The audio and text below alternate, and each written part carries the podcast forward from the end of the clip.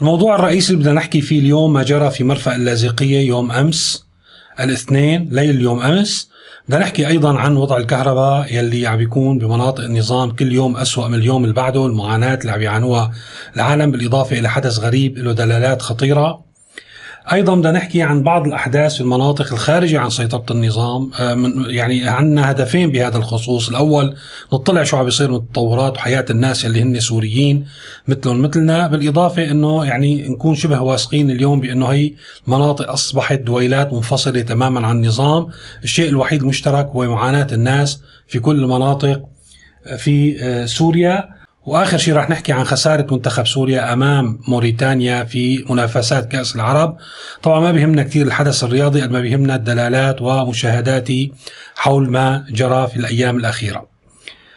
فاذا مرحبا واهلا فيكم بإستعراض أحداث اليوم الثلاثاء 7 كانون الأول عام 2021 بالنسبة لموضوع قصف اللاذقيه اللي صار امبارح المساء وامبارح بالليل الحقيقة في تمادي يعني في عملية الاعتداءات الإسرائيلية على الأراضي السورية يلي ما بيعرف اللاذقيه مرفأ الحوايا يلي ومرفأ الحاويات اللي تم قصفه هو في يعني قلب مدينة اللاذقية أو محاذي لقلب مدينة اللاذقية. بيقولوا أنه تم قصف أسلحة مخباية بمواد غذائية والنظام بيقول لا هي مواد غذائية تم قصفها ما فيها شيء. المهم إنه هذا الحدث رح يتم استثماره من كل الأطراف من إيران مثل ما حكينا بالتسجيل اللي نشرناه بوقت سابق اليوم. راح تستمر دعواتها بضرورة الرد على العدوان الإسرائيلي، النظام راح يقول إنه والله قصفوا لنا المواد الغذائية وبالتالي راح يتنصل من بعض الدعم اللي عم يقدم للمواطنين. وإسرائيل طبعا آه، راح تكمل آه، مستفيده هي بكل الأحوال بتعزيز موقع إيران في في آه، في سوريا باعتبارها المقاوم للعدوان الإسرائيلي. وأيضا كسر هيبة الدولة السورية وأضعاف النظام السوري بأعين مؤيديه. الخبر الثاني اللي بدنا نحكي فيه هو موضوع الكهرباء، الكهرباء كل يوم من سيء لأسوأ، المناطق يعني اللي بقلب المدن بقلب العاصمة من يومين ولهلا عم تيجي الكهرباء كل 12 ساعة بتيجي ساعة أو ساعتين. في آه، مناطق بالأطراف مثلا اليوم في شفت مادة آه، بالهامة. عم تيجي الكهرباء كل كام يوم تيجي مرة يعني عم تنقطع لأيام. الخطر يعني أو الخبر الأخطر يلي له دلالات خطرة بالأحرى هو ما حصل بتل كلخ. بتل كلخ حي اسمه حي الأكراد تم سرقة آه، مركز التحويل في هذاك الحي. أو في حي الأكراد في تل كلخ وقت بيراجعوا المؤسسة بيقولوا لهم باعتبار إنه أنتم هذا الحي مسكون وانسرق وأنتم موجودين بالحي فنحن ما دخلنا. وصل لهم الجماعة أشهر بدون كهرباء بناء على الحجة لأن شركة كهرباء رافضة إنه تصلح هذا أو تركب محول جديد.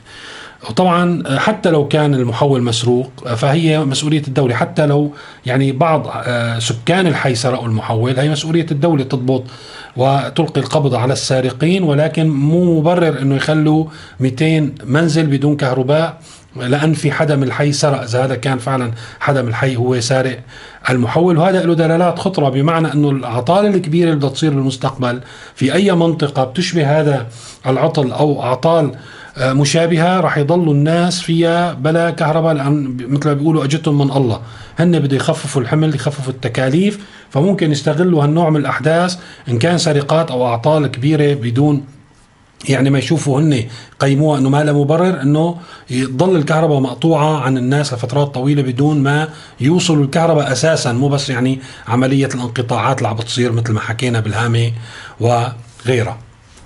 الخبر الثاني اللي بدنا نحكي فيه بيتعلق بالمناطق الخارجة عن سيطرة النظام. آه، في موضوع طبعا بالشمال مثل ما حكينا إنه في مناطق متعددة حتى في مناطق المعارضة في قوات سوريا الديمقراطية الموجودة بالشمال الشرقي وفي آه، موجود بإدلب آه، هيئة تحرير الشام وفي بالشمال الجيش الوطني عم نحكي عسكريا يلي هو مرتبط مع تركيا. كان في وقفة احتجاجية بريف حلب هي المناطق اللي خاضعة لسيطرة تركيا تقريبا بشكل مباشر. وقفة احتجاجية المعلمين معلمين صار لهم فترة عم يحتجوا آه، حول موضوع تدني الرواتب والأجور تدني جودة التعليم. راتب الموظف هناك اليوم بعد الرفع كان 500 ليرة صار 750 ليرة آه، تركي. يعني بيطلع اليوم حوالي 50 دولار وهو يعني رقم صغير كثير نسبة لتكاليف المعيشة خاصة إذا كانت الأسعار تشبه الأسعار آه، في آه، تركيا. فإذا كان في احتجاج وفي آه، معلمين بعدة مدارس وبعدة بلدات ما عاد راحوا على المدارس هددتهم المجالس المحلية أنه راح تخصم من رواتبهم وتفصلهم. وفي هالمعركة المستمرة فكان اليوم في وقفة حول هذا الموضوع لحتى إعادة المطالبة بحقوقهم وإعادة المطالبة بزيادة الرواتب والأجور بنفس المناطق أو بنفس المنطقة واعتمادا على وكالة محلية اسمها وكالة زيتون تم تخريج دفعة أو دورة عسكرية تابعة للجيش الوطني. رح تشوفوا آه، بعض الصور أيضا على التليجرام في هذا الخصوص منقولة عن وكالة زيتون. ممكن تشوفوها وتشوفوا أيضا صور إضافية للاحتجاجات اللي صارت آه، آه، حول موضوع المعلمين. الخبر الآخر بدنا نحكي عن المناطق الخارجه عن سيطرة النظام. في آه، امبارح أو هلأ إذا بدنا نحكي على مناطق شمال شرق سوريا في وقفة لأهالي القامشلي نفسهم احتجاجا على تجنيد القاصرين في قوات سوريا الديمقراطية. وهذا الموضوع أه الحقيقة دائما مطروح وهذا معروف عن قوات سوريا الديمقراطية إنه بتاخذ يعني أه ناس لتجندهم بقواتها بسن المراهقة يعني قبل ما يبلغوا سن الرشد. في أيضا استمرت الاحتجاجات في عدة مناطق أو بلدات من دير الزور احتجاجا على عدم توفر مادة الخبز أو المعاناة اللي عم بتصير بالحصول على مادة الخبز الطوابير ونقص المادة ونقص الطحين إلى آخره. الموضوع الأخير يلي بدنا نحكي فيه هو موضوع خسارة آه، سوريا أمام موريتانيا يلي مانو بالصورة آه، في كأس العرب اليوم يقام بقطر بهي الفترة سوريا أجت ضمن مجموعة في الإمارات على ما أعتقد وتونس وموريتانيا. خسرت أول مباراة قدام الإمارات المباراة الثانية قدام تونس ربحت 2-0 بعد سلسلة من الهزائم يعني مو بس بهالبطولة. فكان يعني في فرحة مبالغ فيها جدا من قبل جمهور المؤيدين.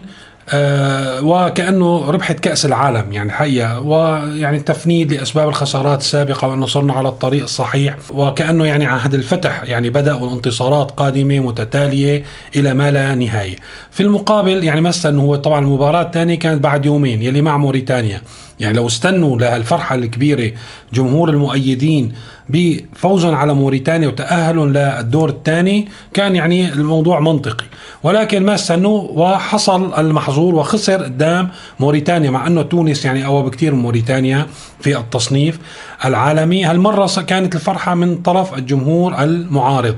فرحة عارمة ويعني شماتة بخسارة المنتخب. طبعا الفرحة المبالغ فيها بفوز سوريا على تونس كان استفزاز الجمهور المعارض والفرحة الكبيرة بخسارة الفريق السوري أمام موريتانيا لاستفزاز الجمهور المؤيد وهذا بيدلل على عمق الهوة الموجودة بين الجمهورين مع الأسف والانقسام الشديد الحاصل في الشارع السوري يلي راح يعني يكون مشكلة كبيرة لنا في المستقبل، طبعا أنا ما عم بنتقد أي طرف من الاطراف، كل طرف له مبرره سواء بالتأييد أو عدم التأييد، هذا موضوع ثاني ممكن نحكي فيه، ولكن دلالة هذا الموضوع دائما بتذكرنا بالمشكلة الكبيرة المجتمعية اللي حصلت في المجتمع السوري واللي راح نحصد يعني آثارها السلبية لسنوات طويلة قادمة. هذا كل شيء بدي أحكي فيه. إذا بدكم أخبار إضافية اليوم ممكن تشوفوا آه، أخبارنا على موقع سيريا نيوز أو على شبكات التواصل المرتبطة فيه. ما تنسوا تتابعوا بعض المقاطع اللي راح انشرها على التليجرام آه، تشوفوا الرابط تحت. وبالنسبة ل المشتركين بعضوية القناة راح يكون في تسجيل إن شاء الله لحق اليوم أعمله اسمه تسجيل أو الأحداث بلس. شكرا لمتابعتكم وإلى اللقاء.